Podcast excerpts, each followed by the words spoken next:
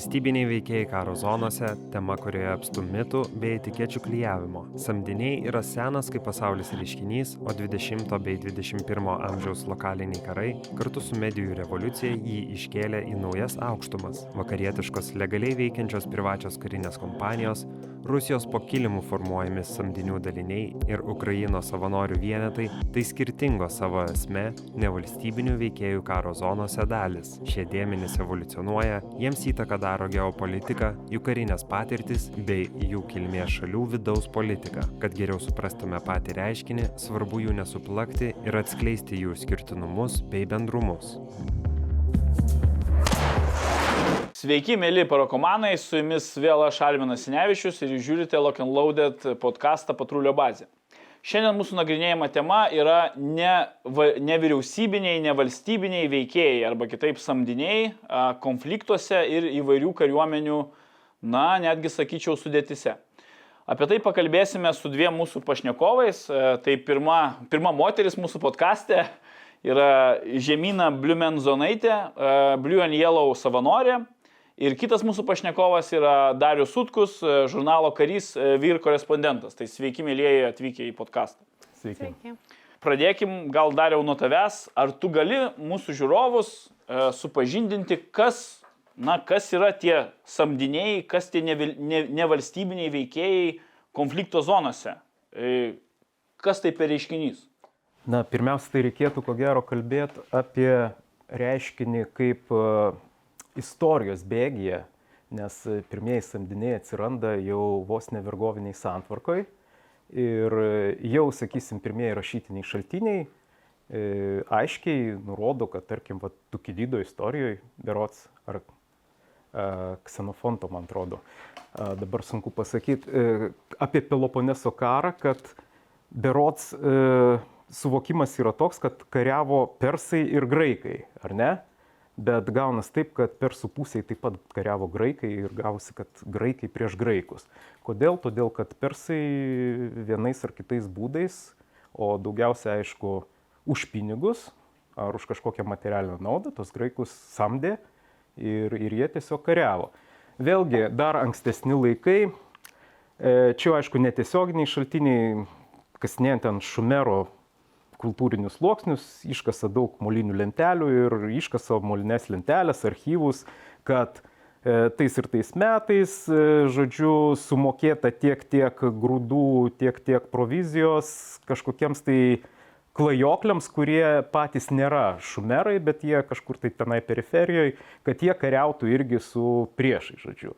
Vėlgi tai yra aišku, aiški nuoroda, kad e, tai nėra valstybiniai kariai, o tai yra tiesiog samdiniai, kurie buvo samdomi kariauti už tam tikrą pusę. Aišku, vergoviniai santvarkoje nėra taip samdiniai, kaip mes suprastume dabar.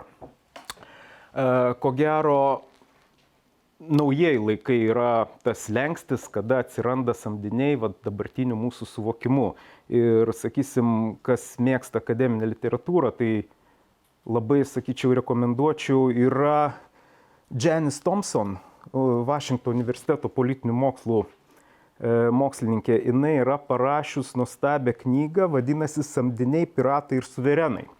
Aš rekomenduočiau perskaityti, kas, kas domisi istorija ir kas domisi, sakysim, aplamai e, tą eksteritorinę ekspansiją, kada prasidėjo kolonijiniai užkariavimai ir valstybė, jinai turi per daug darbų, kad užsimtų tom neiškiom teritorijom, kurios ką tik atrastos. Tai reiškia, prievartą jinai monopolizavus, jinai taiko viduje savo, bet yra tam tikri dariniai, e, kuriuos jinai remia, kad, e, tarkim, būtų taikoma prievarta ir už valstybės ribų. Žinot, tvarka, palaikyti tvarką tam E, tikrą. Ne tiek tvarką, bet plėsti, sakysim, įtaką. E, Arba užsikariauti teritorijas konkurencijos būdu, sakysim, tie patys kaperiai. Tai yra karalienė Elžbieta išdavė tau kaperiavimo raštą, tu esi kaip ir piratas toksai, bet toks kaip ir valstybinis Oficialus piratas. Jo, oficialus piratas, tu tiesiog grobi e, konkurentų laivus e, ir, ir, ir, žodžiu, vat, gaunasi taip, kad tu liktai pats apsirūpini, tave liktai valstybė remia, liktai ir neremia, visada galima tavęs atsižegnoti, žodžiu, ten labai įdomus tokie dalykai. Nes mano klausimas būtų, kodėl tada negalima tiesiog į, įtraukti va, tų žmonių, kaperių, nu, šiuo atveju kalbant, į e, karališkasias e, Britanijos jūrų laivyno na, sudėtį. Na, todėl, kad tai ne visada yra mm, patogu, sakysim, iš politinės pusės ir jau tais laikais tai jo, nebuvo. jau nebuvo patogu iš esmės ir Ir vat būtent ta gyja, jinai eina vat iki, iki pačių laikų, įskaitant ir Wagnerio grupę, kurią mes minėsim toliau.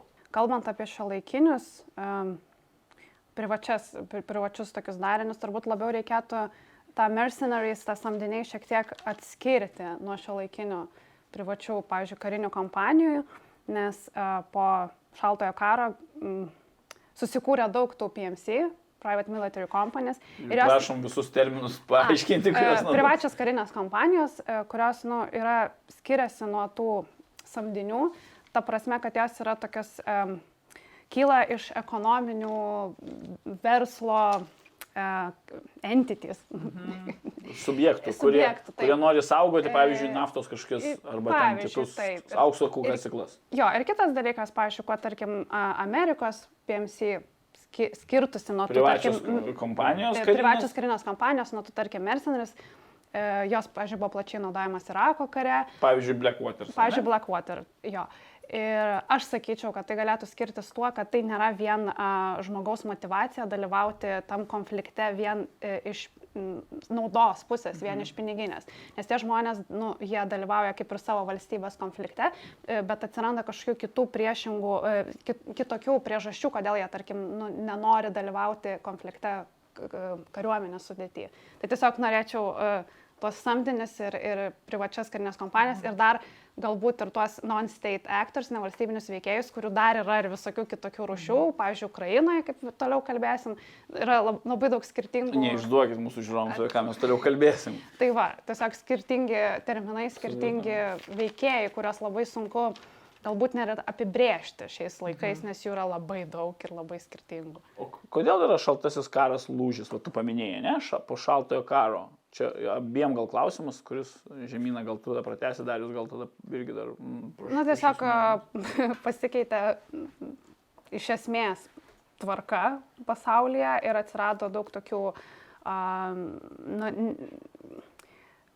nevalstybinių, pavyzdžiui, uh, veikėjų, kurie uh, irgi nevalstybinių um, violence veikėjų, uh, Na šiaip pasikeitė ta tvarka, daug kolonijų žlugo ir... ir, ir, ir tie periferiniai konfliktai. Ir kitas tokie. dalykas, kad e, valstybės, tos didžiosios valstybės pradėjo rodyti labai savo nenorą įsitraukti į tuos konfliktus, kur, pavyzdžiui, jos anksčiau buvo, nu, valdė, tarkim, tas mhm. teritorijas.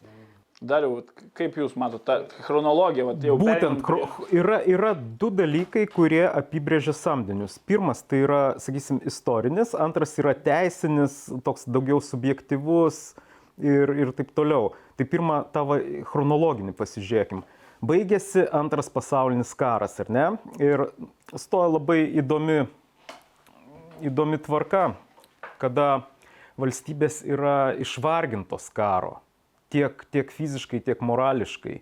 Ir, ir gaunas taip, kad pavyzdžiui, griūna visa ta kolonijinė sistema po truputį. Tai iš principo net nereikėtų šaltojo karo minėti, iš pradžių reikėtų minėti kolonijinę ir postkolonijinę sistemą. Ir apie 60-uosius metus Afrikoje prasideda tenai nuostabus dalykai, kada... 1860-uosius. Ar... 19. 60-ieji maždaug. Kada prasideda perversmai visokiausia, ten vienas vadukas nuverčia kitą, kitas antrą tada ten koks Mobutų pasako, Siseko. jo, pasako prancūzų prezidentui, mes nesame jūsų beždžionėlės, jau, žodžiu, tokia labai įdomi frazė, kur dabar net neįsivaizduojama. Čia, čia buvęs Zairo prezidentas, ne? Ten Kongo Demokratinės Respublikos dabartinės. Jo, jo, jo. Ir, ir, ir gaunas taip, kad uh, kaip ir iš vienos pusės, sakysim, Prancūzija arba Belgija, kurios turėjo milžiniškas teritorijas, jos kaip ir negali jau valdyti jų, bet iš kitos pusės valdyti norisi kažkaip. Ir tas pereinamasis toks laikotarpis, nu, iš vienos pusės, nu kaip paliksi ten tos deimantus arba ten tą manganą, dar kažką. E, tada prancūzai, kurie yra pakankamai tokie globalūs, jie imasi labai įdomios e, koncepcijos, kuri vadinasi Fransafrika. Vadovauja tenai vienas toks žmogelis, kuris buvęs prancūzų pasipriešinimo tenai, reiškia, vienas kažko, kažkokia, kažkokia figūra, žodžiu, geras Degolio draugas.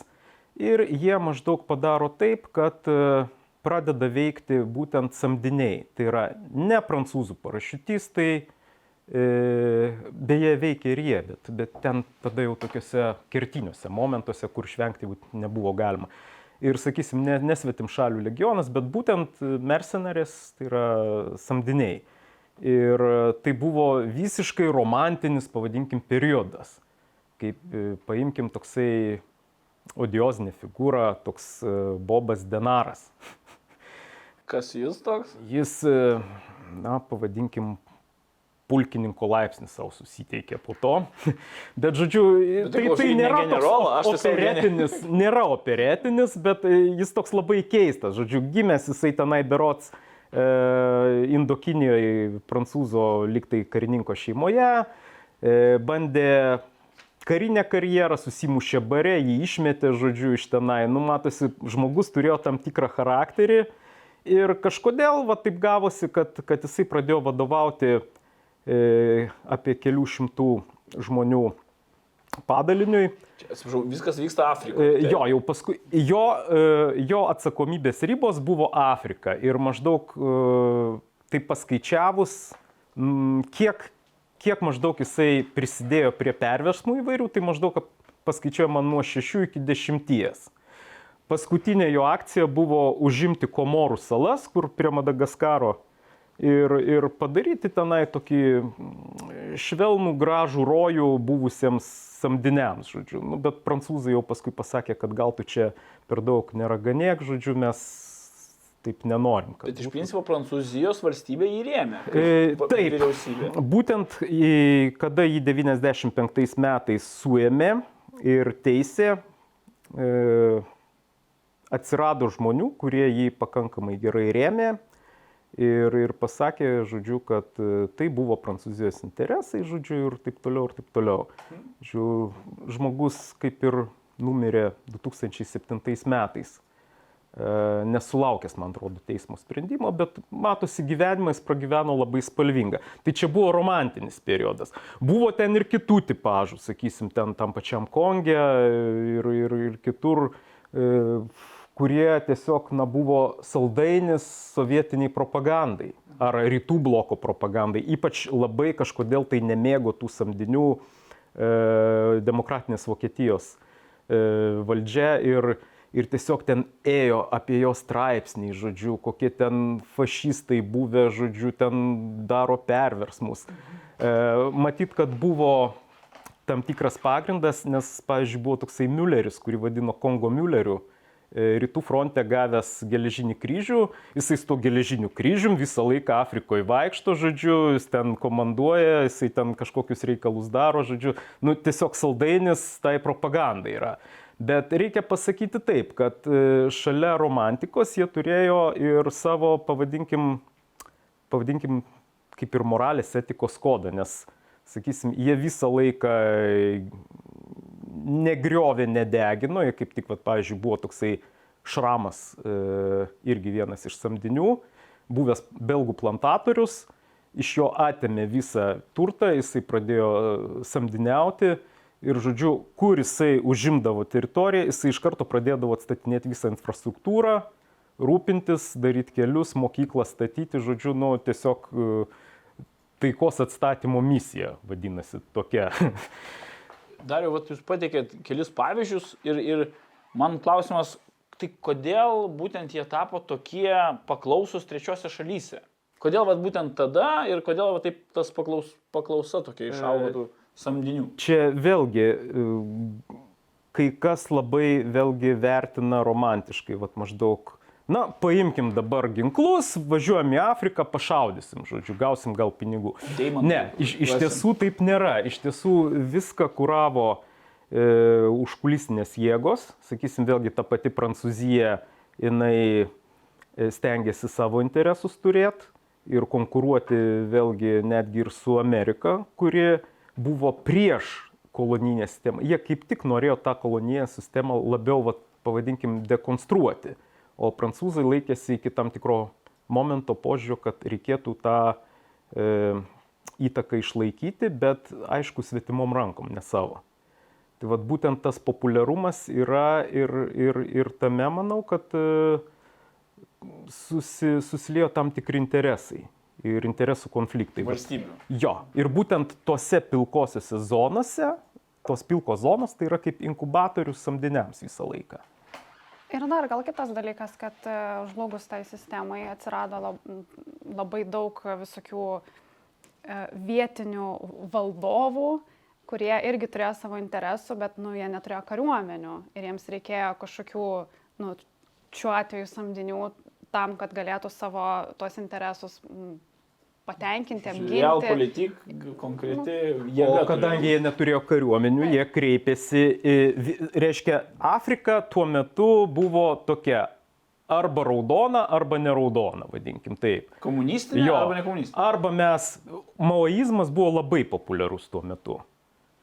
Tai jie arba kreipėsi į kažkokias socialistinės šalis, kad tiektų jiems karinius e, patarėjus, ginkluotę, vat, pavyzdžiui, kada prasidėjo reikalai Somalija, tai Hruščiovas atsiuntė jiems tankus, bet kažkodėl tai pravdai visą laiką būdavo traktoriai, kad mes tiekiam traktorių, žodžiu. Nu, kaip visada, klasika tiesiog. Klasika. Tas pats su kariniais patarėjais ir su kariuomenėm. Ir galų gale va, ta kubiečių istorija, kai visi žino, kai Čia Gevara atvaro su savo realiais, žodžiu, padėti Afrikos bundančiai liaudžiai, žodžiu. Ir, ir, ir ką jis ten pamatė, iš tiesų jam buvo labai sunku, todėl kad e, yra tokių jo kaip ir pasigraudenimų, kad nu, su šitai žmonėmis neįmanoma kariauti. Sako, kiek aš juos mokiau, jisai šaudyba jo susiveda į tai, kad jis pakelia kalašniko, užsimerkia, paspaudžia nuleistuką ir laukia, kol baigsis šaudimas. Vat. Arba kada aš pradėjau pulti, kitas epizodas, e, jie sugulė už manęs, e, aš pasakiau, kad gal jau traukiamės, at- atsigrėžiau, nei vieno jau nėra, jau visi atsitraukė. Nu, žodžiu, Greit vykdo į nurodymą. Taip. Tai vad būtent tai yra priežastis, dėl ko būtent šitie prancūzų, belgų, Pietų Afrikos Respublikos a, samdiniai, kodėl jie buvo efektyvūs. Todėl, kad pas juos buvo gerai pastatyta karybos teorija ir praktika ir įdirbis. Būtent dėl to ir, ir sakysim, naujesnius laikus imant, e, bus klausimas, manau, kiek samdiniai yra e, efektyvūs. Tai be abejo, kad e, dideliam konvenciniam kariniam konflikte iš dalies jie efektyvūs, bet sakysim, ten, kur yra, nu, pavadinkim tai, papuasų kraštai, tai jie yra be galo efektyvūs, todėl kad, pavyzdžiui, 95 metais Sierra Leonei, kada sukilėjai pradėjo jau užiminėti jų sostinę, ne tai, kad šalis, jau šalis buvo praktiškai visa kontroliuojama, jie pradėjo pulti sostinę. Įsivaizduokit, basakojai ten, reiškia, su savo džipais, su drugelių sparnais visokiais, ten su adidas kepuraitėm, žodžiu, su auksiniam grandinėm, su kalašnikovais surūdyjusiais. Jie beveik jau užima uh, Sierra Leone sostinę ir, ir čia prezidentas jų tuometinis įmasi desperacinio žingsnio, pasikviečia iš Pietų Afrikos Respublikos Executive Outcomes, sumoka jiem berots 600 tūkstančių ir per kelias savaitės viskas būna sutvarkyta. Absoliučiai. Tai va reiškia, kiek kainavo apginti sostinę. Perėkim prie savokos pačios samdinio. Ne? Pavyzdžiui, pas mus visuomenė Lietuvoje tai turi biški tokią negatyvę konotaciją. Ne? Bet, pa- pavyzdžiui, kitose valstybėse, toje pačioje Prancūzijoje, jie netgi, na, kariuomenės dalis yra e, samdinių. Arba, pavyzdžiui, Rusijoje atvirkščiai, tai kaip ir jie naudoja, bet, bet įstatymiškai to neįteisina, tai yra nelegalu, ne? Tai pati, pati savoka ir reikšmė, kodėl, kodėl visuomenė, nu, pas mus galbūt gerai turi tą negatyvę reikšmę. Ar, ar kaip, kaip žiūri į- skirtingose valstybėse žmonės į, į samdinius? Vėl, kad nėra labai suprantama, kas yra tas samdinys ir, pažiūrėjau, kas yra tiesiog privačios karinės kompanijos nu, kontraktorius ar kažkaip kaip pasakyti. Turbūt, e, jeigu apie šiuos laikus kalbant, tai turbūt labai didelį įtaką tai neigiamai, neigiamam požiūriui padarė būtent tas visas e, Blackwater e, situacija, kada a, įvyko susišaudimas, žuvo e, civiliai žmonės ir mm, neva dėl to, kad Blackwater tie kariai uh, nepaisė nurodymų ir, ir žodžiu, uh, pradėjo šaudyti, nu, žodžiu, žuvo žmo, nekalti žmonės, neva dėl jų kalties ir prasidėjo labai didelis skandalas. Ir, ir tiesiog man atrodo, kad vien šitą istoriją apskritai padarė visiškai tokią meškos paslaugą absoliučiai visom privačiom kompanijom. vakarų vakarų, pasaulio. vakarų jo. Nes e, iki to laiko jos, nu, iki to Blackwaterio dar yra milijoną kitų privačių karinių kompanijų, kurios dalyvavo tam pačiam Irako kare. Ir kažkaip niekas apie tai, nu, niekada neturėjo kažkokios per daug didelės, didelio klausimo ar kažkokių komentarų apie tai. Galbūt žmonės daugiau jo žiūrėjo kaip į tokias, nu, irgi kaštų, pagal kaštų, ir naudo, kaštų ir naudos analizės rėmose, kad tai yra ekonomi, nu, tiesiog ką, ką, kas Amerikoje yra populiaru, tiesiog perduoti uh, kažkokias paslaugas uh, verslui ar ten Privatiniai. kažkokiai- pri, priva, privatiems. Čia, čia labai natūralu, todėl kad e, tai prasideda, man atrodo, nuo Somalio, kada, e, žinom, visi matė filmą Black Hawk Down, tenai, ir taip toliau, 1994. kada, kada ten, reiškia, prisirišę tuos e, specukų kūnus tampo po, po miestą, žodžiu, ir, ir, ir vat būtent kaip tik tuo metu buvo ta medija revoliucija, kada labai svarbu, ką žmonės mato, kokios yra naujienos, kokias e, sukuria nuotaikas ir, ir tai labai neigiamai pateikė, paveikė visą, visą Amerikos visuomenę. Dėl, vie- viena dėl priežasčių, dėl ko teko nutraukti šitą operaciją, o sakysim, kada žuva kontraktininkai, nu jie nėra ne kariai. Taip, visiškai kitas požiūris gaunasi. Niekam neskauda taip, kad... e, Taip, neskaut. Tai e, kai žuva karys, tai yra nacijos tragedija, kai žuva kontraktininkas, tai yra šeimos tragedija, nu, pavadinkim tai. Čia labai geras pasakymas. Tai va, ir dar sakyčiau, kad vat, būtent po to, po tų vat, įvykių su to pačiu Blackwateriu, tiesiog žmonės pradėjo irgi naudoti neteisingai tą samdinių, Soldier of Fortune, visą tą uh, apibrėžimą, vadindami, nu, taip tuos žmonės, kurie, nu, realiai dirbo, atliko kažkokią savo, galbūt tie žmonės ir padarė kažkokią klaidą, nu, bet tikrai ne, ne, ne visi.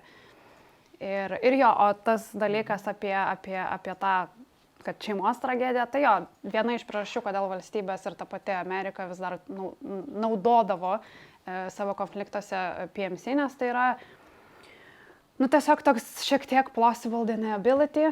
Tu taip gali neiktis kaip ir savo buvimą ir kartu taip pat paneigti kažkokius e, e, e, nuostolius prieš visuomenę. Tiek tu gali prieš kitus, e, prieš kitas valstybės apskritai, kad nu, tu gal ten per daug nedalyvauji, o kitas tu gali tiesiog tai pateikti prieš visuomenę, e, kad vat, mes kariavom, bet mūsų nuostoliai nėra tokie dideli. Čia ir- dažnai tą gal taiko rytų daugiau valstybės. Bet, galbūt. e, Jie. Perprato šį. bet Amerika, ypač vat, tuo Irako karo metu, tai toks buvo irgi. Žemyna, tu sakai, kad e, vakarų valstybės jos irgi tam tikrą prasme pakeitė požiūrį gal po Blackwater, su to Aš skandalu. manau, kad taip. Ir, na, samdinių panaudojimą pačią jų kaip, kaip funkcijų po, buvo pokytis tam tikras ar ne? Gal mažiau pradėjo? Mažiau, bet ką galiu pasakyti, bet, bet būtent privačios karinės kompanijos Amerikoje yra legalios, tai yra legalu.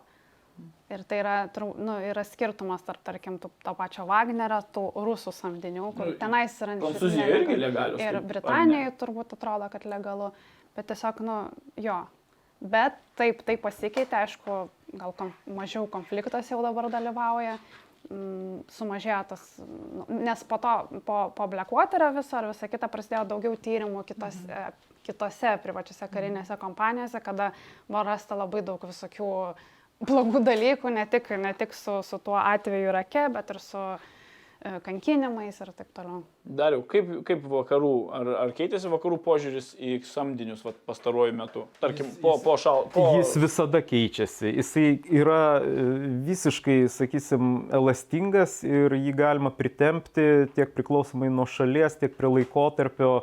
Ir, ir sakysim, apibrieškim tada, kas yra samdinys ir niekas to iki galo nėra apibrėžęs, bandė tiesiog jungtinės tautos, man atrodo, 77 metais, jie pabandė konvencijoje įdėti papildomus protokolus, kas tai yra samdinys. Ir, ir, ir tai aš esu liktai užsirašęs, tai turi būti specialiai užverbuotas žmogus, specialiai užverbuotas. E, tiesiogiai dalyvauti koviniuose veiksmuose ir siekiant asmeninės naudos. Tai yra ne, ne, ne ideologinių tenai motyvų skatinamas, ne patriotizmo, ne kažko, bet asmeninės naudos.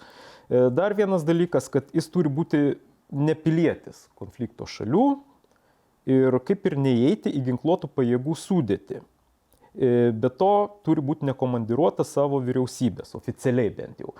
Tai sakysim, ką mes kalbam apie prancūzų legioną, e, jis nepatenka tada į šitą. Todėl, kad jis įeina į ginkluotų pajėgų sudėtį, jis yra komandiruojamas. E, na, asmeninė nauda. Nu, ką reiškia asmeninė nauda? Sakysim, vėlgi propagandai buvo labai skanus kasnelis samdiniai, todėl kad, kaip žinom, sovietiniais metais propaganda visą Junktinių Amerikos valstijų kariuomenę vadino samdiniais. nu, nes jie gauna atlyginimą. Taip, čia yra tam tikros ne logikos. Už tėvynę, o už ne pinigus. už tėvynę, o už pinigus. Ir zampolitai visą laiką kareivėliams per paskaitas kartodavo, ar jūs norit, kaip, kur jūsų orumas, jeigu jum mestumėt granatą ir gautumėt 5 rublius, nu kaip kur čia taip matyta, žodžiu. Nu. Lygiai dėl to pačio, būtent tos privačios karinės kompanijos ir neįeina į samdinio tą savoką ir dėl to visą laiką sakau, kad nu, tai yra klaida ly, nu, lyginti ir vadinti. Nu, tiesiog taip gal susidėlio ir viešoje erdvėje, kad, kad kadangi tai yra labai neigiama konotacija, todėl visus mes vadinam mhm. samdiniais, bet taip nėra. Yra tos privačios karinės kompanijos, kurios e, yra labiau ne individuali nauda, bet labiau ve, korporacinė verslo nauda. Taip, o, o būtent tie samdiniai, jie turi būti užsienio piliečiai ir turi ir, ir labiau vežami tos individualios e, naudos. Iš tikrųjų, man dar su, ir, ir tu žemyną priminėt, kaip tarptautinė humanitarinė teisė, kai studijavau, irgi šitos mes nagrinėjom dalykus. O, bet vis tiek, netgi ir privačios kompanijos, jos vis tiek yra ne valstybiniai a, dariniai, veikėjai, kurie dalyvauja konflikte iš principo. Galima taip sakyti. Ne valstybė, taip. Ne, ne valstybiniai, bet dalyvavimas yra visoksai. Pavyzdžiui, gali būti nebūtinai žmogus turi e, paimti, sakysim, šturmo šautuvą, bėgioti ir šaudyti. Jis gali sėdėti kabinete, konsultuoti kažką, vesti kažkokius popierius tenai, žodžiu, ir taip toliau. Nu, niekas neįrodys, kad jisai dalyvauja iš esmės. Iš tikrųjų labai retai jos ir dalyvauja koviniuose veiksmuose. Jo. Dažniau jau... re remiamos, remimas, apsauga, e, mhm. tiekimas e, kažkokių reikalingų dalykų, tokiuose tiesiai koviniuose. Net ir tas Blackwater susišaudimas buvo ne, ne kovinių veiksmų e, kontekste. kontekste, tiesiog nu, važiavo kažkur, kažką lydėjo ir tiesiog priemė tokį sprendimą. Todėl, kad pajutė grėsmę. Taip pavadinkim tai. Buvo dar vienas, e, mažiau žinomas, bet nemažiau, sakysim, turėjęs įtakos, kada Blackwaterio darbuotojas susiginčęs nušovė Irako premjero apsauginį trim šūviais. Ir vėlgi tas smogė labai stipriai, žodžiu. Aišku, Blackwateris tada pradėjo viešųjų ryšių kompaniją, kad e, nei vienas mūsų saugomas žmogus nežuvo, nu, bet, žodžiu, čia taip mhm kaip ištraktavus. Dabar e, dėl, vėlgi dėl teisinės bazės, teisinė bazė visada atsilieka. Arba jeigu atsiranda kažkoks dokumentas, visada atsiranda kaip jį apeiti.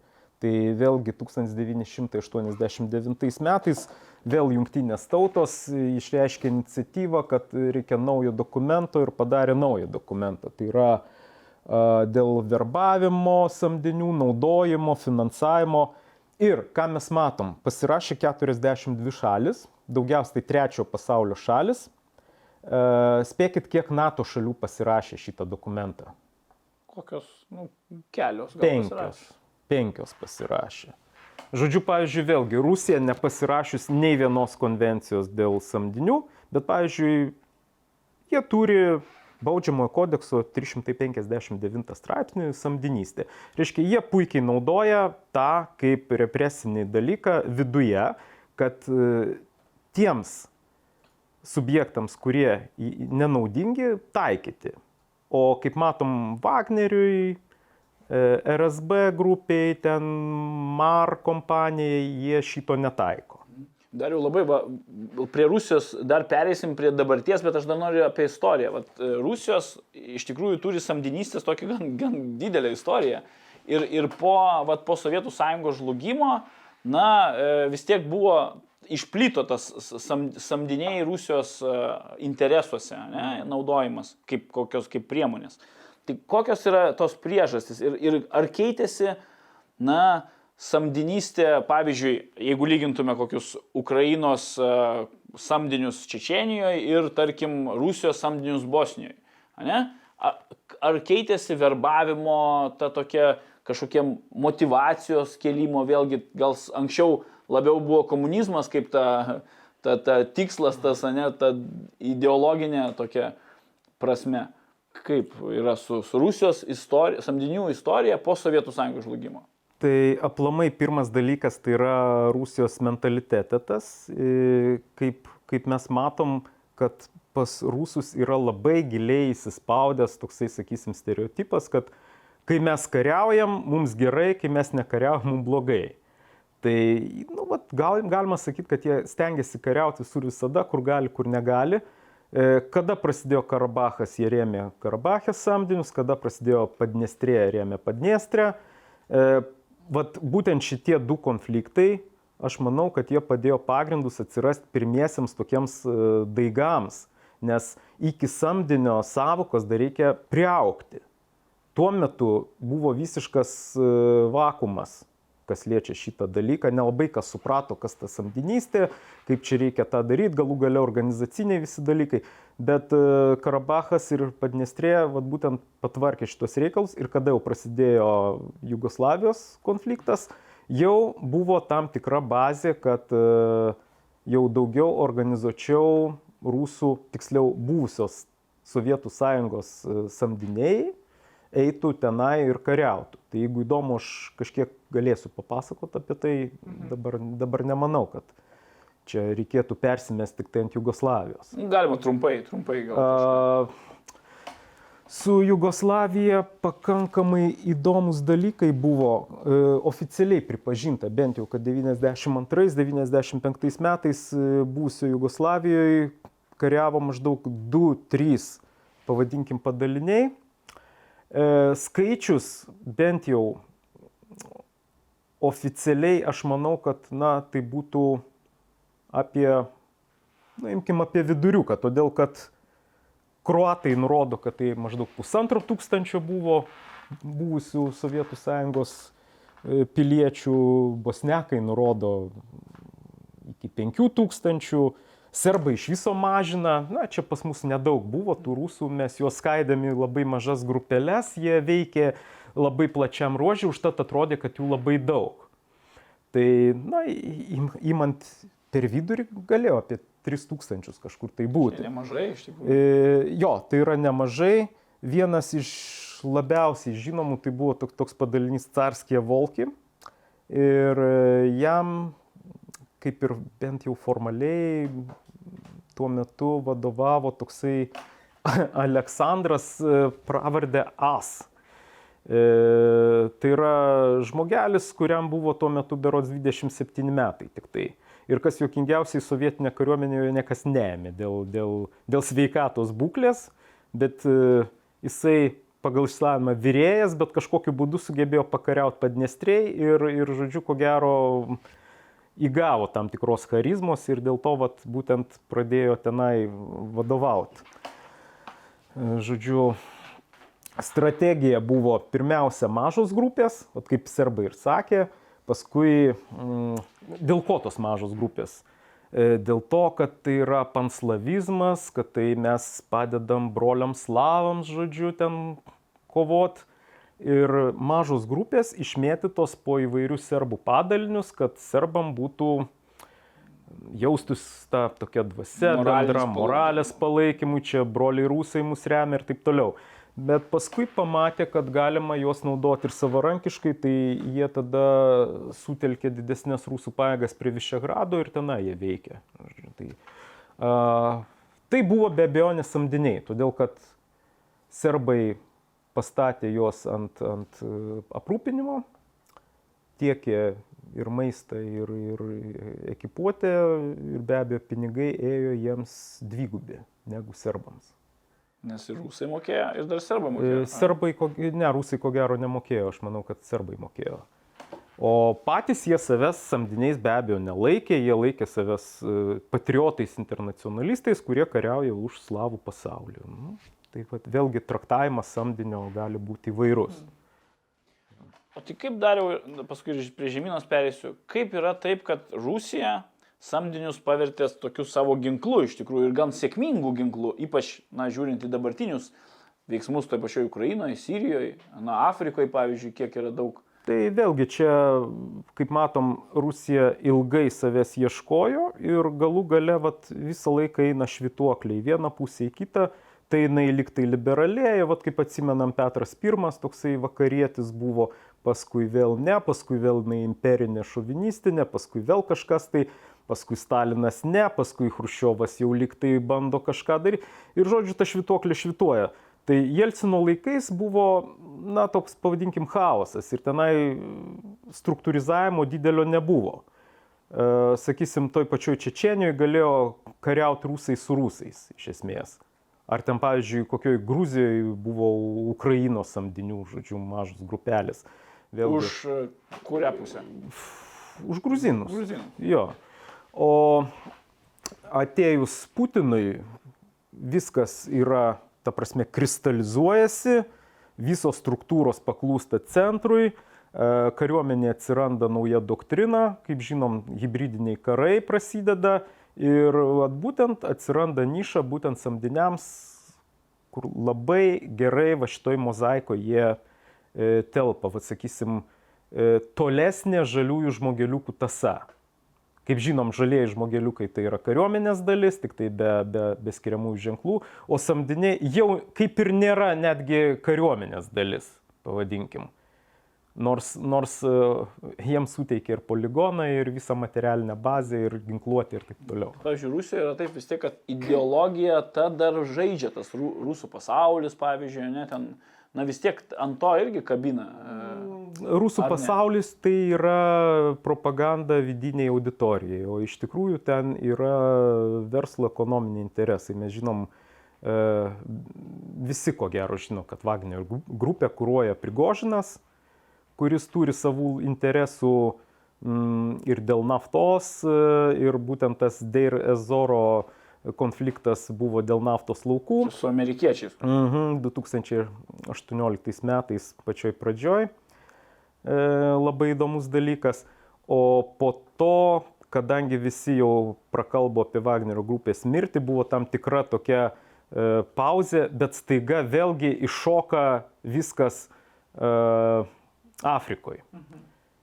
Ir vėlgi tie čiuptuvai eina lygi prigožino ir tai yra susiję jau su naudingosio miškasenom. Apie Wagnerį mes dar tikrai pakalbėsim, nes tai yra atskiro podcast'o netgi gal reikalaujanti tema. Dar gal pridėčiau, kad nu, Rusijai tiesiog šiuo metu labai naudingas toksai uh, modelis, nes su tokiais samdiniais ar tom privačiom mhm. kariniam kompanijom tu gali būti ir nebūti vienu metu. Ir nu, tu kaip ir kaip pati šalis turi nesi tam konflikte, tu gali sakyti, aš nedalyvauju, čia su, manim, su mumis tai nesusiję, čia kažkoks privatus reikalas. Nors visi žino, bet kartu ir, nu, toks, tas irgi neigiamumas atsiranda. Gauna poligonus, ne? gauna kažkokios treniruočių e, infrastruktūrą, ginkluotę gal net kartais gauna. Taip, ir tą patį. tankus netgi. Ir ta, e, tas, e, e, dė- kaip ten, tas konfliktas su amerikiečiais, ne, prie Mhm. to naftos platformų, ten irgi parodė, kad, na, nors ir tai buvo samdiniai, bet jie turėjo visą vos ne bataliono, ta, nu, kelių kuopų e, stu- Pavadinkim kovinę grupę. kovinė grupė. Tai Kovinė buvo grupė. tai kovinė grupė. Koks yra ryšys Rusijos samdinių su jos kariuomenė ir su žvalgybos na, agentūromis, ten GRU, FSB ir, ir Iš esmės tiesioginis visais, visais punktais, todėl kad e, jau, jau pati Wagnerio istorija tą parodo. O, Jis buvęs irgi grų, ar grų. O, iš esmės taip, tai yra, GRU yra šiek tiek pasenęs terminas, tai yra dabar GU yra. Mhm. E, Esmė yra ta, kad e, 2013 metais, kada buvo pakilimas viso to ruskimi ir ten ruskая visna, tenai jie, jie perprato, kad galima tas revoliucijas daryti kažkokias, tai e, žodžiu, jau Ukrainoje kariauja kažkokie tai rusų samdiniai ir 2013 metais Hongkongė užregistruota yra keista kažkokia tai įmonė, e, kuri vadinasi Slavoni Korps, yra Slavianski korpus, žodžiu, Hongkongė, kas įdomiausia. E, Verbuoja žmonės, kurie turi kovinės patirties, žada maždaug nuo 5000 dolerių, tai yra pasakiški pinigai kaip tiems laikams, žodžiu. E, Žodžiu, pasaugoti objektus Sirijoje. Ir be abejo, kad labai susidomi tuo pasiūlymu būtent buvę jėgos struktūrų darbuotojai. Jie, jie reiškia, kreipiasi iš jų formuoja padalinius ir, ir jau 2013 m. rudenį e, civilinių reisų skrenda į artimuosius rytus, varo į Siriją ir, ir, ir vėlgi kaip, kaip jokingiausiai juos bando kišti į tą Deir Ezorą, kur yra naftos laukai. A, matyt, kad e, tai buvo jau su, su Asadu kažkiek tai suderinta, kad tam, tam tikras procentas, aš dabar neatsimenu, nepasakysiu, koks procentas eina rusams už apsaugą, bet, bet, bet manau, kad, kaip sakoma, apsimokantis buvo dalykas. Ir gaunas taip, kad toliau viskas pradeda trukinėti.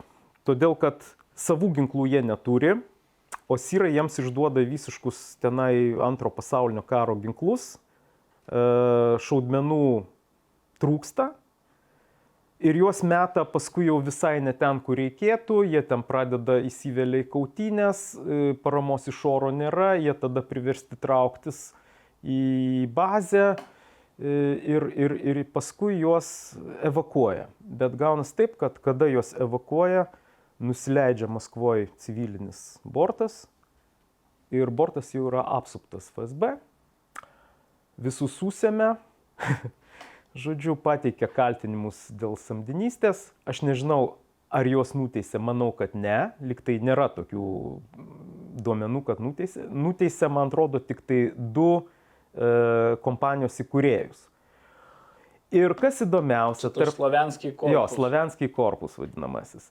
Ir kas įdomiausia, šitam Slavenskam korpuse buvo ponas Utkinas, kuris vėliau tampa Wagnerio grupės nariu. Reiškia, kokias galima daryti išvadas, taip sėdint. Kad tiesiog su juo pasikalbėjo, sako, nu, tu, aišku, normalus tu, vyriokas, žodžiu, tu žinai, kad tu gali sėsti už samdynys ten, žinau.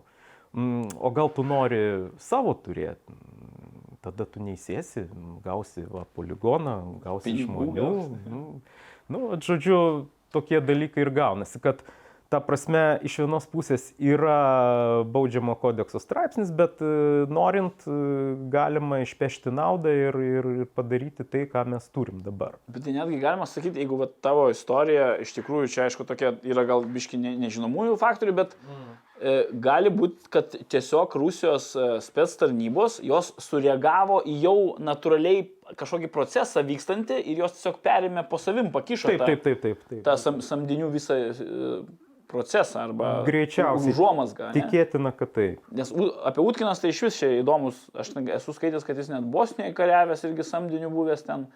Ir ten, o dabar net neaišku, gal ne, net negyvas, ten nieks. Dar jau gal tu žinai, gal jau nu- nušovėjai. Net negaliu dabar pasakyti, kur, kuris yra, reikėtų domėtis. Dar aš vis tiek noriu nepaleisti Rusijos samdinių e, tos temos. E, ir kokiu būdu, dar jau gal va, tu žinosi, kokiu būdu jie yra, na, nusprendžiama, kad jie vat, važiuoja į konfliktą, tarkim, į Siriją, į Ukrainą. E, Vėlgi, čia turbūt aukščiausių lygmenių. Čia Politikai. taip, manau, kad tai yra aukščiausių lygmenių. A, Be abejo, yra tam tikrų trinčių, matosi, todėl kad e, tuo metu, kada įvyko tas konfliktas žymusis su amerikiečiais, buvo labai paskleista daug informacinio visokio baražo tenai, kad visai ten jų nebuvo, arba jų ten buvo mažai, arba ten iš viso apie ką mes kalbam, ten arba nukreipdėmėsi visai.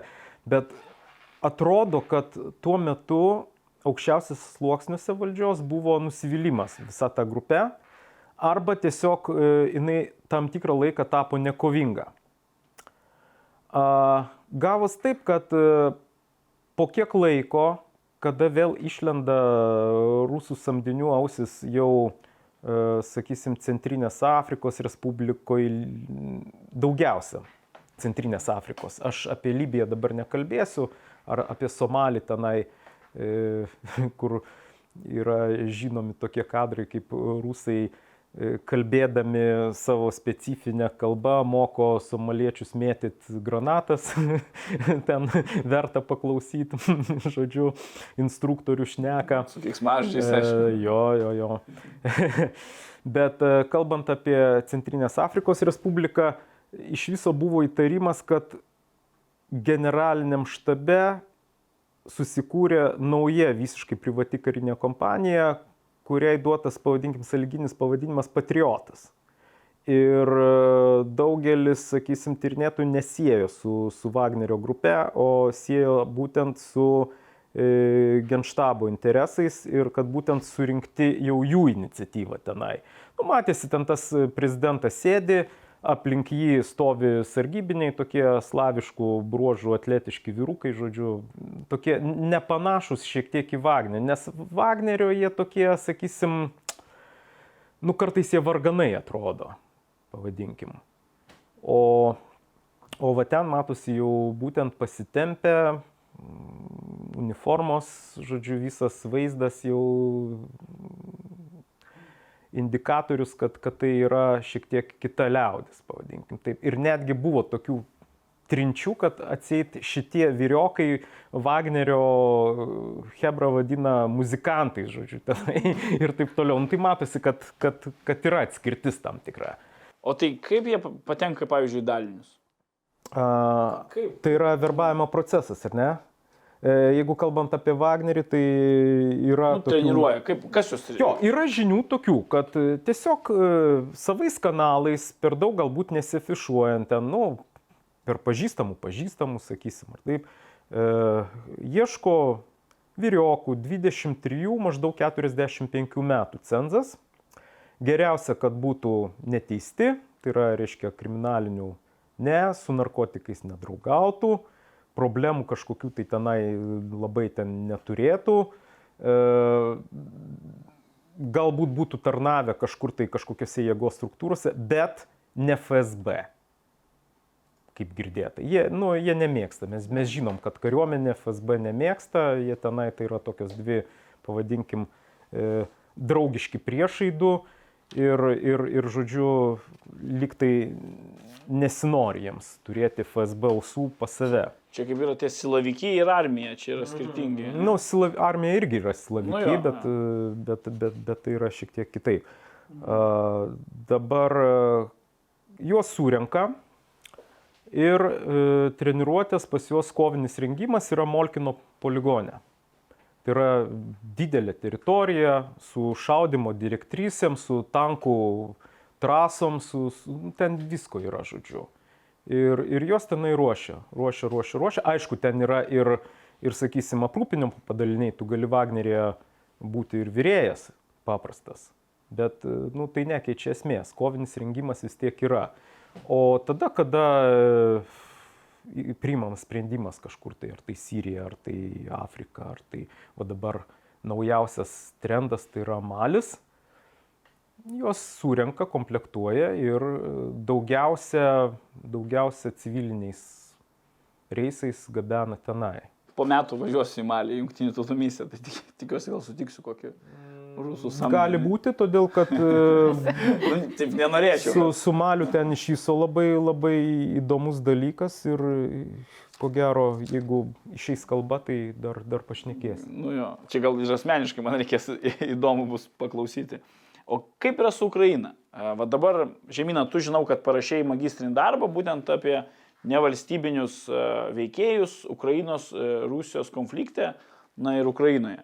Ten, na, kiek aš irgi domėjausi tą pradžią karo, visą, kai čia viskas 2014 po Maidano ir po, po agresijos Rusijos prasidėjo, na tai ten tu tas tie savanoriai, galima sakyti, jie irgi buvo tam tikri ne, ne, ne valstybiniai veikėjai, ne, kurie pradžioj karo kūrėsi.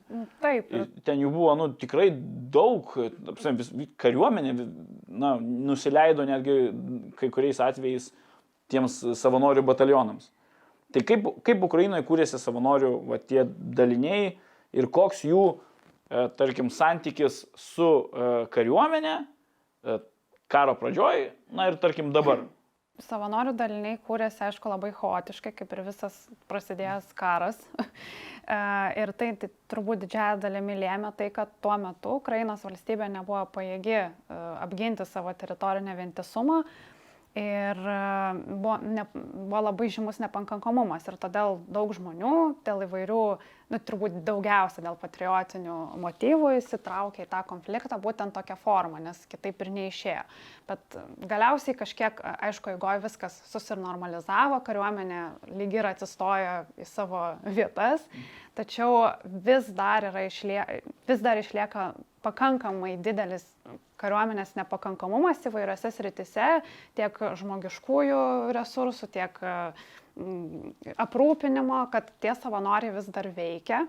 Aišku, didžioji dalis buvo integruoti galiausiai į tam tikrus Kaip Nacionalinė gvardija. man Gvardija, ne tik ir į kariuomenę, ir į nacionalinę gvardiją, bet dalis žmonių irgi dėl įvairių motyvų liko kariauti toliau savanorių daliniuose. Aišku, jų dabar yra labai nedaug, keletą. Pavyzdžių, kokių turi? Tie patys pravi sektoriai, bet jie atsiskyrė nuo, nuo to Jarošo viso pravi sektorių, liko toksai uh, labai motivuotas ir labai visų karių ir apstai visos kariuomenės gerbiamas uh, tas vadas Davinčiojo šaukinys. Toks jaunas vaikinas, kuris nu, realiai irgi labai šiuo metu daug daro fronte ir labai, nu, labai rimtai dirba. Ir tokiam... Ką, ką tu turi galvoje, kai tu sakai daro fronte? Okay, Savanoris daro fronte. Tai va, daro? tai dabar tiesiog e, yra likusių tų savanorių dalinių ir ne tik dalinių, e, kaip tu klausai, kaip keitėsi, tai keitėsi tuo, kad dabar atsirado ir tokių veikėjų, kurie dirba kaip ir po vieną kurie tiesiog e, nenori dėl įvairių priežasčių dalyvauti, būti kariuomenės struktūroje, nu, dėl tų pačių manimo, dėl nepakankamumo, dėl sovietinio palikimo, dėl to, kad labai yra sunku daryti, jeigu tu esi struktūroje kariuomenės, tau labai yra sunku daryti kažkokias operacijas. Tarkim, daug žmonių žino, kad a, kariuomenė labai dažnai riboja kažkokį veikimą, nes, tarkim, dabar tokios ale paliaubos, tada tu negali kažko daryti. Prezidentas Zelenskis pasako, Jo. duoda priedus už tai, kad nešaudytų. Taip, pavyzdžiui, taip. Tai yra dalis žmonių, kurie to nenori ir jie tiesiog dėl to nestoja į kariuomenę ir jie dirba savarankiškai. Bet kadangi per visą laikotarpį, e, tarp, vėl, skirtumas tarp santykio tarp valstybės ar kaip kariuomenės, kaip struktūros ir tarp savanorių ir, papra, nu, nepaprastų, bet pavienių karių, yra, tarp, tarp to yra labai didelis skirtumas, nes tarp karių ir savanorių yra labai dideli e, susiformavę gražus asmeniniai ryšiai e, iš ankstesnių laikų ir, ir jie palaiko tos ryšius ir jie vienas kitam padeda ir kariauja. Tuo tarpu kariuomeniai savanorių žiūri, nu, taip rezervuotai, mhm. kai kada, aišku, jiems naudinga jos irgi panaudoti kai kuriuose situacijose.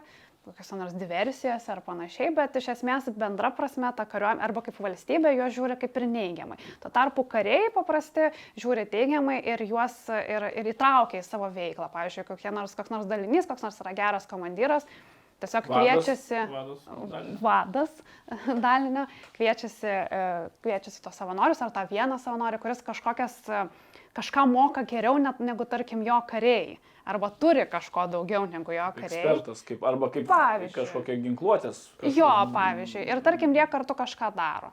Tarkim, tas pats vadavinčia, kur sakiau, jisai iš vis kartais net ar padengia visą ruožą. Tarkim, ten, kur dabar negalima kariauti, bet, nu, reikia. Savanorių padaliniai iš viso jie pasižymė operaciniu lankstumu Taip. didesniu. Jiems nereikia laukti.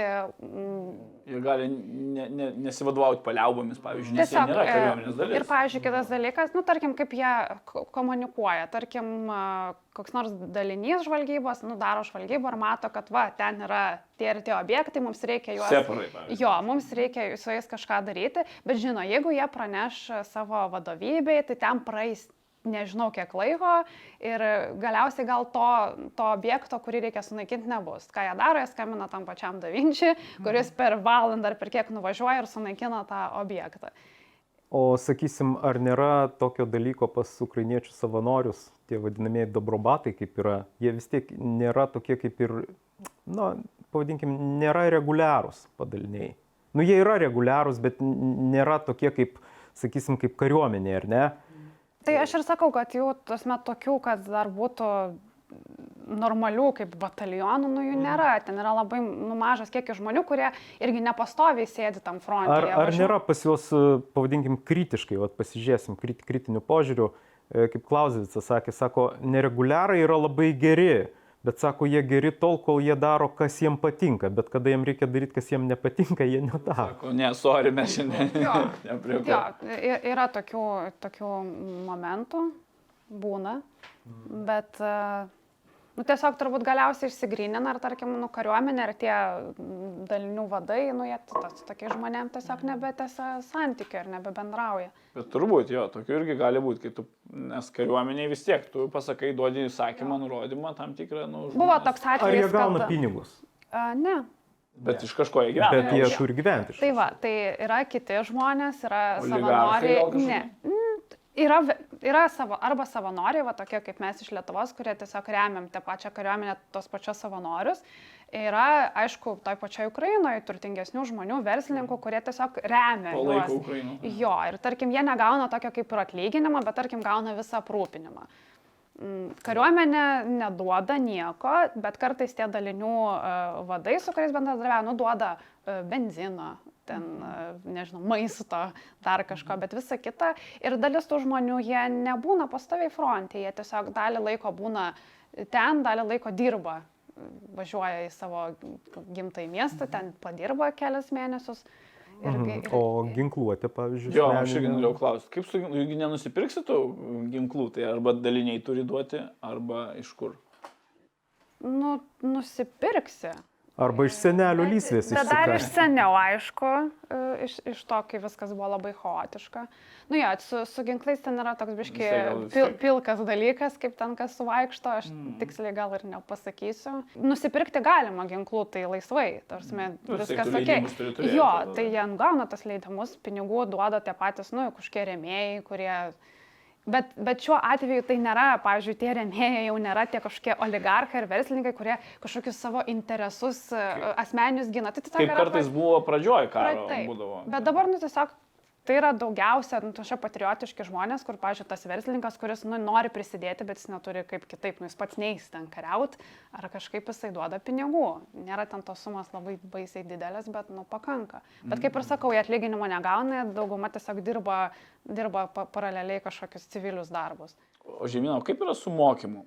Kas, kas apmoka, pavyzdžiui, savanorius? e, Na, anksčiau, tebūnė ir anksčiau, ir dabar kaip vyko tas pa, pa, pa, pasirengimas, na, kovos veiksmams? Ar tai, ar, ar čia e, Ukrainos gal kariuomenės instruktoriai kažkokie, ar, ar kas? Žinok, net atvirkščiai, labai dažnai kariai e, tiesiog kodėl ir pasitikė tai savanoriai, todėl kad žino, kad jie neturi didesnę kovinę patirtį. Ir jų net mokyti nereikia, jie dar moko kartais uh, tos pačius karius, kurie Mhm. dažnai dabar tiesiog atvažiuoja atsėdėti ten tam fronte, gauti Pinigus, pinigų daugiau, kad tu, tu sėdi, žodžiu, toj karo zonai ir, ir viskas. Ir, o, o tie savanoriai daugiausia, kurie dabar ir išliko, jie mm, išlikę nuo pat pradžių ir jie praėjo visą tą karo visą tą eigą ir jie jau turi labai didelę patirtį, ko neturi, tarkim, atėję nauji kažkokie tam Kariai. karininkai ar kariai į frontą. Tai, tai va, taip. O pradžioj tai ten įvairiai buvo žmonės, kurie e, dauguma tų žmonių, kurie atėjo į savanorius, jie iki to turėjo kažkokios karinės patirties ar tarnavo šiaip kariuomeniai kažkada seniau, jeigu vyresni, kai kurie gal ką tik buvo praėję ten kokią karinę tarnybą, nebuvo taip visiškai e, žali. Bet buvo ir žalių, kurie, kurie Tai buvo. tuos ir apmokė tie nežali ir tada, ir tada galiausiai jie tapo dar didesni, didesnę patirtį įgyjo ir dabar gali mokyti karius. Mm, Aš tiesiog norėčiau dar pridurti, kad e, nebūtų sugretinimo. Būtent etinis momentas, mes kalbam apie Ukrainos savanorius, mes kalbam apie samdinius, tame tarpe ir rusų. Aš nenorėčiau, kad jie būtų gretinami. Taip, nu, čia, čia gal ga, gretinti tik tiek galim, kad tai yra ne valstybiniai Nevalstybinės. veikėjai iš principo, bet faktas, kad tai yra visiškai kitokia motivacija žmonių. Ir, ir... Jeigu prisiminsim, krašto apsaugos departamentas irgi buvo kaip ir toks pusiau Savanorių. jo. savanorių, reiškia, ir, ir susilaukdavo netgi ir, ir Kaspas, tuometinis Katas, kad tai yra Landsbergio samdiniai, žodžiu, ten tokios eidavo klišės. Aš manau, tas pats irgi, vat, e, propaganda jinai išnaudoja, kad e, tie visi dobrobatai yra samdiniai, žodžiu, taip toliau, bet aš tikrai nemanau, kad taip yra realiai, jeigu pasižiūrėti iš teisinės Mes galime tik pažiūrėti, kiek e, Rusija įdeda tos propagandos į pravai sektorą, kad juos diskredituoti visus ir jų visą veiklą. Bet tas įdomu, kad e, daugelis šių savanorių, jie labai norėtų tų privačių karinių kompanijų ir mielai dalyvautų jų savo valstybei, aišku. Jeigu jos būtų legalios ir, tarkim, Ukrainos valstybė pasamdytų juos kaip e, žodžiu, kaip tas privačias karinės kompanijas, kaip vakarai daro, jie mielai kariautų tokioj sudėti. Nes, nu, problema taip, kad jie negauna atlyginimų, nu, žmonėms iš kažko reikia gyventi ir čia yra didžiausia problema, kur galiausiai, nu, ta motivacija, nu, jinai mažės, mažės, mažės. Ir tam tikrą dalim tai yra tada nelegalu, kadangi, na, Jo. tu neturi. Bet jie tiesiog, sakau, norėtų to visai. Jie nes- neturi įstatymo. Antras Taip, dalykas, kad matyt, kad yra, yra vat, sakysim, e, valdžia, valdžia monopolizuoja prievartą ir kiek jinai duos tos prievartos, tiek bus. Tu, tu, šiuo atveju Ukrainai, man atrodo, nešviečia, kad, kad, kad jiems duotų ten daugiau prievartos. baimių. negu- Ne, iš Mhm, esmės tai daug didžiąją dalim tai jos labai nori nu, iš vis nu, nu, numarinti. Nors iš vienos pusės ta valstybė kaip ir juos toleruoja, e, tos savanorius ir sakau, kad labai dažnai panaudoja. Nekovojas, tarp prasme, jie leidžia jiems Leidžia, veikti. bet ir, nu jo, bet ir nepadeda. Bet ir nepadeda. Jo, Leidžia, net bet- dažnai nu, nu, būna visokių trikdžių, trukdo, dar kažkas, bet, e, bet jo, jie patys visai norėtų tada, to, kad ir tokioj sudėtinės norėtų irgi gauti kažkokį atlyginimą, bet į kariuomenę stoti dėl įvairių priežasčių į tą struktūrą nenori. O bet vis tiek evoliucionavo kažkiek tas, e, pavyzdžiui, per visą tą laikotarpį Ukrainos karo, na, tas sav- savanorių, aišku, kažkas buvo integruotas, ne? nes ten pradžioje buvo daug batalionų, ten Azovai, visi ten buvo, žodžiu, savanorių batalionai. Bet paskui vis tiek evoliucija kažkokia vyko, kaip tu sakei, biški sunyko galbūt, ne momentais, bet e, ar pagerėjo, pavyzdžiui, aprūpinimas, gal ginkluotės kažkokių, na vis tiek atsirado tam tikri jau ryšiai, logistiniai, aprūpinimo tiek su uh, Lie- Lietuv, ta, ta pačia Blue and Yellow organizacija, tiek su kitom užsienio, tiek su vidaus. Tai dabar kažkiek vis tiek stabilizavosi daugiau mažiau. Apskritai viskas stabilizavosi ir pati kariuomenė, ir tie patys savanoriai. Bet sakau, labai toksai, kad turb- nu, išsigrynino, liko ta dalis, kuri tikrai labai motivuota ir nori, nori kariauti, nori eiti į priekį. Ir jie galiu pasakyti, kad turbūt daugiausiai ir dirba ties ofensyviniais veiksmais. Tiesiog visur ten bandoma juos naudoti ir jie patys eina ten, kur galima pulti, kur galima pasiimti tų teritorijų. Ir, ir, ir, ir jo, ir tas aprūpinimas, aišku, nu taip, aišku, pagerėjo, nu, tos pačios kariuomenės, aišku, pagerėjo aprūpinimas ir viskas apskritai stabilizavosi. Ir, ir liko dalis tų žmonių, nu nebe taip chaotiška viskas yra. Dariau, kaip yra su Rusijos samdiniais Ukrainoje?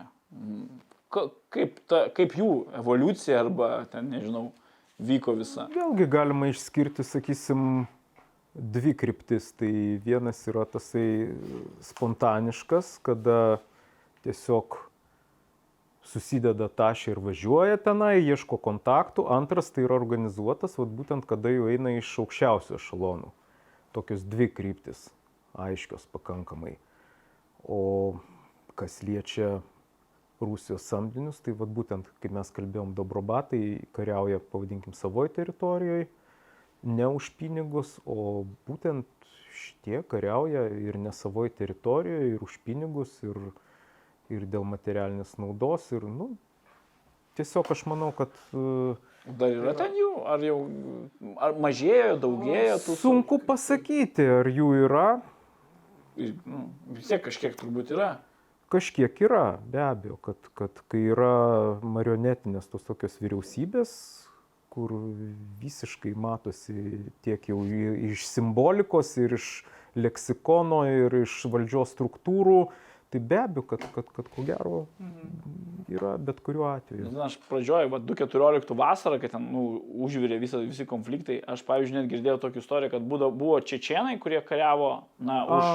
samdiniai, už, kad Kadirovcai kariavo Jo, jo, už buvo, buvo. Rus, rusus, o, pavyzdžiui, Dudajevsai iš Europos susirinko ir palaikė ukrainiečius ir kariavo už juos. Ir irgi kaip ir, nu, toks motivacija ir netgi jie fronte ieškodavo vieni kitų, kad suvės savo senus, senas Taip. sąskaitas, kas įdomu šiaip. Vat, Ne, dabar, dabar aišku bus tas užsikonservavęs konfliktas, galbūt ten daugiau susiveda į tokį, e, pavadinkim, gal military presence, žodžiu, kad jie ten ale yra, nu gal jie ten kažką konsultuoja, bet aš manau, kad e, jau nėra taip, kaip buvo 2012, 13, 14, žodžiu, kada ten buvo tie katilai, visi mūšiai tenai, daidom da Kijevą tenai ir taip toliau. Dabar yra tyliai ir aš manau, kad jie sėdi tiesiog tenai, kad išlaikyti status quo. Ir e, tiesiog, kad, kad būtų tas teritorinis vi- vientisumas su, su, supančiotas. O kai teritorinis vientisumas su, supančiotas, apie kažkokias integracijas su vakarais jau sunkiau ir kalbėti. Tai žodžiu, vat būtent jie laiko tą savo įtaką būtent uh, rytiniai Ukrainai. O gerai, tai, tai galima sakyti, kad e, pagrindinė, pavyzdžiui, vėlgi, jeigu gretinant kaip ne, nevalstybinius veikėjus, bet tikrai nesuliejant į vieną krūvą, bet, pavyzdžiui, Ukrainos savanoriai iš principo jie ėjo ir, ir eina į, į, į kovą, iš principo gindami savo valstybę. Ne? Jų pagrindinė motivacija yra apginti Ukrainos nepriklausomybę, teritorinį vientisumą, atgauti, na, prasme, at, at, at, agresiją. Atsi, Iš esmės taip, ypač nuo pirmaisiais tais metais, tai vien, vienintelė motivacija tik ir buvo tas patriotizmas, apginti savo valstybę. Vėliau, aišku, jisai, ta motivacija kinta, jinai e, ir toliau išlieka ta pati motivacija apginti savo valstybę, bet kinta ten atsiranda įvairių nu, ist- istorijų, pačių asmeninių patirčių, jau atsiranda įsipareigojimas savo e, kovos draugams, galų gale žmonės atranda save e, tam, tam Konflikte. konflikte, jo, atranda, jie pamato, kad e, žino e, kažką geriau negu kiti, kažką sugeba geriau negu kiti ir nori taip save realizuoti. E, Bet irgi būtent per tai, kad padėt savo valstybei, m, pagaliau atkovoti tą savo teritoriją. Nes čia yra pagrindinis skirtumas turbūt nuo, nuo rusų samdinių, kurie važiuoja tik dėl, na, iš principo dėl pinigų, galbūt ten kažkokia ta mėsa važiuoja ir dėl kažkokių, Na, tai taip, ukrainiečiai gina savo valstybę, sakysim. kaip ir e, čečienai. Rusai, gynė kurie, jo, kurie rusai e, rytų Ukrainoje, na, jie dar bando kažkaip tai motivuoti save tuo, kad e, gina tenai ruskį mir, ten tos, reiškia, rusakalbius, kurių teisės yra pažeidžiamos. Bet ką gina rusai Malyje dabar? Klausimas. Reikės paklausti. Ru, Rusų Afrika. Kažkaip tai dar būdavo tokių nesąmoningų publikacijų, Yra jo, kad Jodaodžiai, gal Jo. vat komunistai. e, buvo dar tokių publikacijų, grinai tokių klišinių propagandinių, kad Sirija tai e, nuo seno rusiško žemės, žodžiu. Nu, bet kaip jie Afriką prie to pritems, aš nežinau. Žodžiu, tai vad būtent atsiskleidžia motyvai. Tai dariau, įvardink, prašau, kas yra pagrindinė mūza rusų samdinio? Va taip. Motivacija kokia? Pinigai pagrindiniai? Ar, ar kas? Iš esmės tai yra jo, tai yra pinigai. Todėl, kad e, pirma, rusas yra avantūristas, ypač e, kas samdinys e, turi turėti tokio avantūrizmo kažkokio. Bet čia tos Be avantūros galima rasti ir pas ukrainiečių savanorius. Galima. Be abejo, kad kariavimas yra aplamai avantūra šiokia tokia. Mm, Visą laiką, žiūrint individualiai, tai yra avantūra. Yra tokių žmonių, kur apskritai per visus konfliktus važiuoja vos ne pasaulio. Nes ir- tu gali gėlės laistyti, tai, tai bus viskas gerai, bet kai tu eini kariauti, tave ir užmušti gali, nu, jau, jau avantūra gaunasi šiokia tokia, ar ne?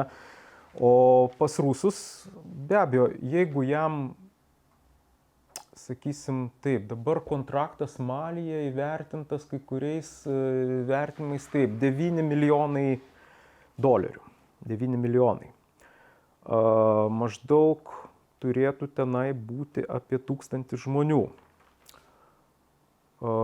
Vienas žmogus turėtų gauti ten apie nu, mažiausiai pusantro tūkstančio dolerių per mėnesį, su priedais bus daugiau. Iš esmės, ar tai dideli pinigai? Toj šaly, kur tave gali nušauti, ne tik nušauti, o gali uodas įkastų nuo maliarijos numirsi tenai, ar ne? Taip. Ar tai dideli pinigai? Tu gali važiuoti į Angliją ir, ir, ir dirbti visiškai ten paprastą, nekvalifikuotą darbą, tu gausi gal net daugiau. Bet rusai važiuoja. Nu, bet iš tiesų, nu, o ką jam tenai savo rūpinskė tenai, nu, ką jis sėdės ir gers galų galę. Jam pusantro tūkstančio dolerių yra daug. Jie važiuoja.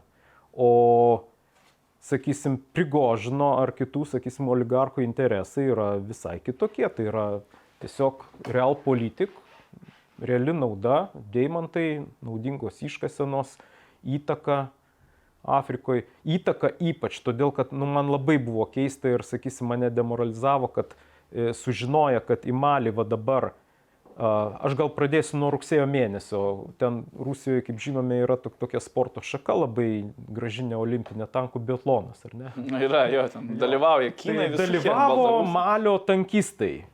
Malio tankistai. Gal net laimėjo kažką. Ir stebėjo Malio gynybos ministras. Ir tuo pat metu sudarytas kontraktas BATS 9 milijonai. Tuo pat metu. Ir sužinoja vokiečiai, prancūzai, netgi estai, kurių misija ten yra, pasako, sako, klausykit, jeigu čia bus rusai, mes išvykstam, nes mums čia nėra ką veikti. Ir išvyko. tikrai neišvyks. Išvyko. Geru. Aišku, ten gal e, liko neoficialiai, kažkas gal jie bandys kitais kanalais, bet Žinau, kad per, per metus ten du perversmai. du perversmai, du perversmai tenai. Gerai, laukiu, nesulaukiu misijos. E, Bet dar aš noriu paklausti, vat, jau dariau tubiškai palėtėjai tą profilį, na, to samdinio, ne? Tai koks yra žmogaus nu, tokį profilį, e, kurie ateina į, į, į, į savano, savanorius ir samdinius?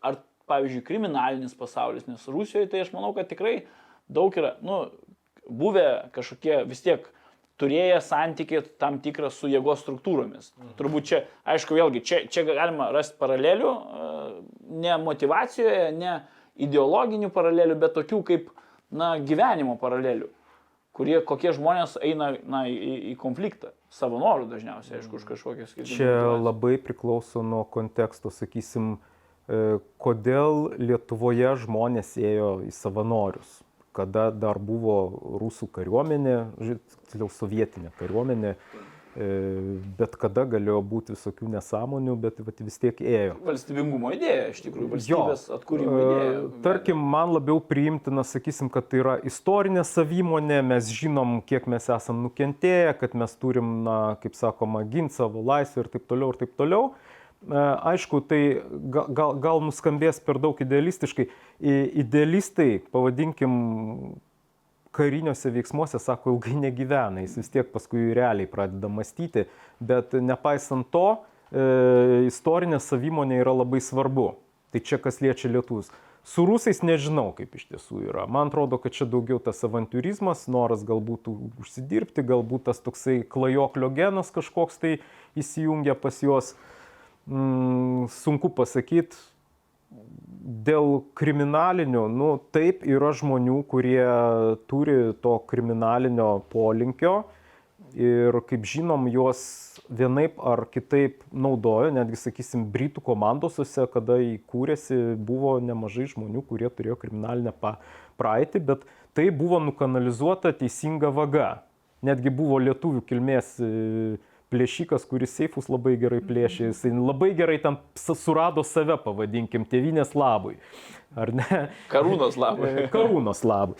O kas liečia Lietuvoje, aš sakysim, irgi esu ne vieną žmogų sutikęs, gal, gal porą žmonių, vat, taip yra atsivėręs, sako, žinai, uh, vat buvo tie linksmėjai 90-ieji, jeigu aš nebūčiau nuėjęs į savanorius, tai gal būčiau banditėlių patapęs. Bet taip, tai yra koviniai labai teisingi žmonės, kurie jau turi tą kaip sakoma, ir, ir charizmą savo, ir, ir, ir su kažkokiais tai kriminaliniais dalykais jau net nereikėtų jų net įgretinti iš esmės. Čia tik tai gal potencija tokia buvo iš esmės. Nes, na, nu, iš tiesų, nu, jeigu tu, jeigu tu nesi karys, jeigu tavo nervų sistema nėra pritaikyta tam, tai tu iš principo to nebūsi. Kaip sako patarlė, nu sako, mešką galima išmokyti šokti, bet balerinos iš jos nebus. Tai čia tas pats, vat, kaip yra e, amžinas konfliktas tarp šauktinių kariuomenės ir profesionaliosios. Reiškia, šauktiniai, okei, okay, kaip žmogus galiu pasakyti, visi turi eiti kare, reiškia, į kariuomenę, e, kad tu pajaustum tą patriotizmo tokio, reiškia, gautum bent jau kažkokių minimalių karinių įgūdžių ir taip toliau. Bet, nu, supraskim, kad profesionalas visada yra profesionalas, o ne šauktinis jis eina, kaip sakoma, iš vidinių paskatų. Taip. Mm. Kaip, kaip su Ukrainos savanoriais? O Darius labai gerai priminė mums mūsų savanorių tą tokią, na, profilį, ne žmogaus. Kaip su Ukrainos savanoriais? Mm, pradžioje, tai kaip ir minėjau, kad buvo labai įvairių žmonės, tiesiog tie, kurie nori, norėjo prisidėti prie to, matė, kad valstybė nepajėgi. O dabar, tarkim, kuriuos aš matau, kurie likė, tie tokie labiausiai motivuoti, tai Šiaip labai skirt, toks portretas labai įvairus tų žmonių, amžius labai įvairus.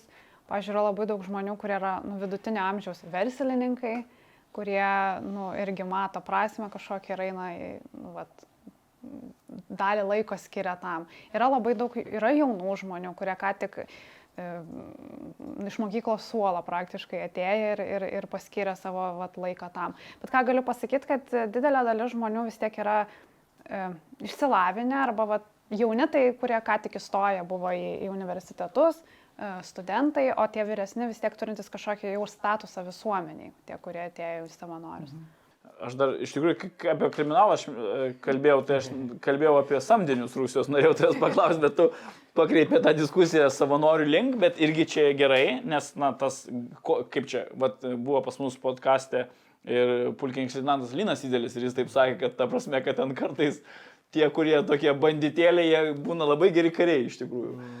Bet, bet vat, su Rusijos samdiniais, na ten, tengi kriminalas dar nuo, netgi nuo gulagų laikų, kai yra, buvo vojenšina, buvo tie tokie, žinai, gulagė, kur buvę kariškiai, kriminalas, tie vorai ir zakonį būdavo ir tas viskas ten susimaišydavo ant tiek ir dabar, tiek tos spets tarnybos, tiek kariuomenė, e, tiek ir samdiniai ir politika, ten viskas yra bendras toks miksas. Na, tas kriminalo ten yra tikrai daug ir jo yra ir samdinių tarpe.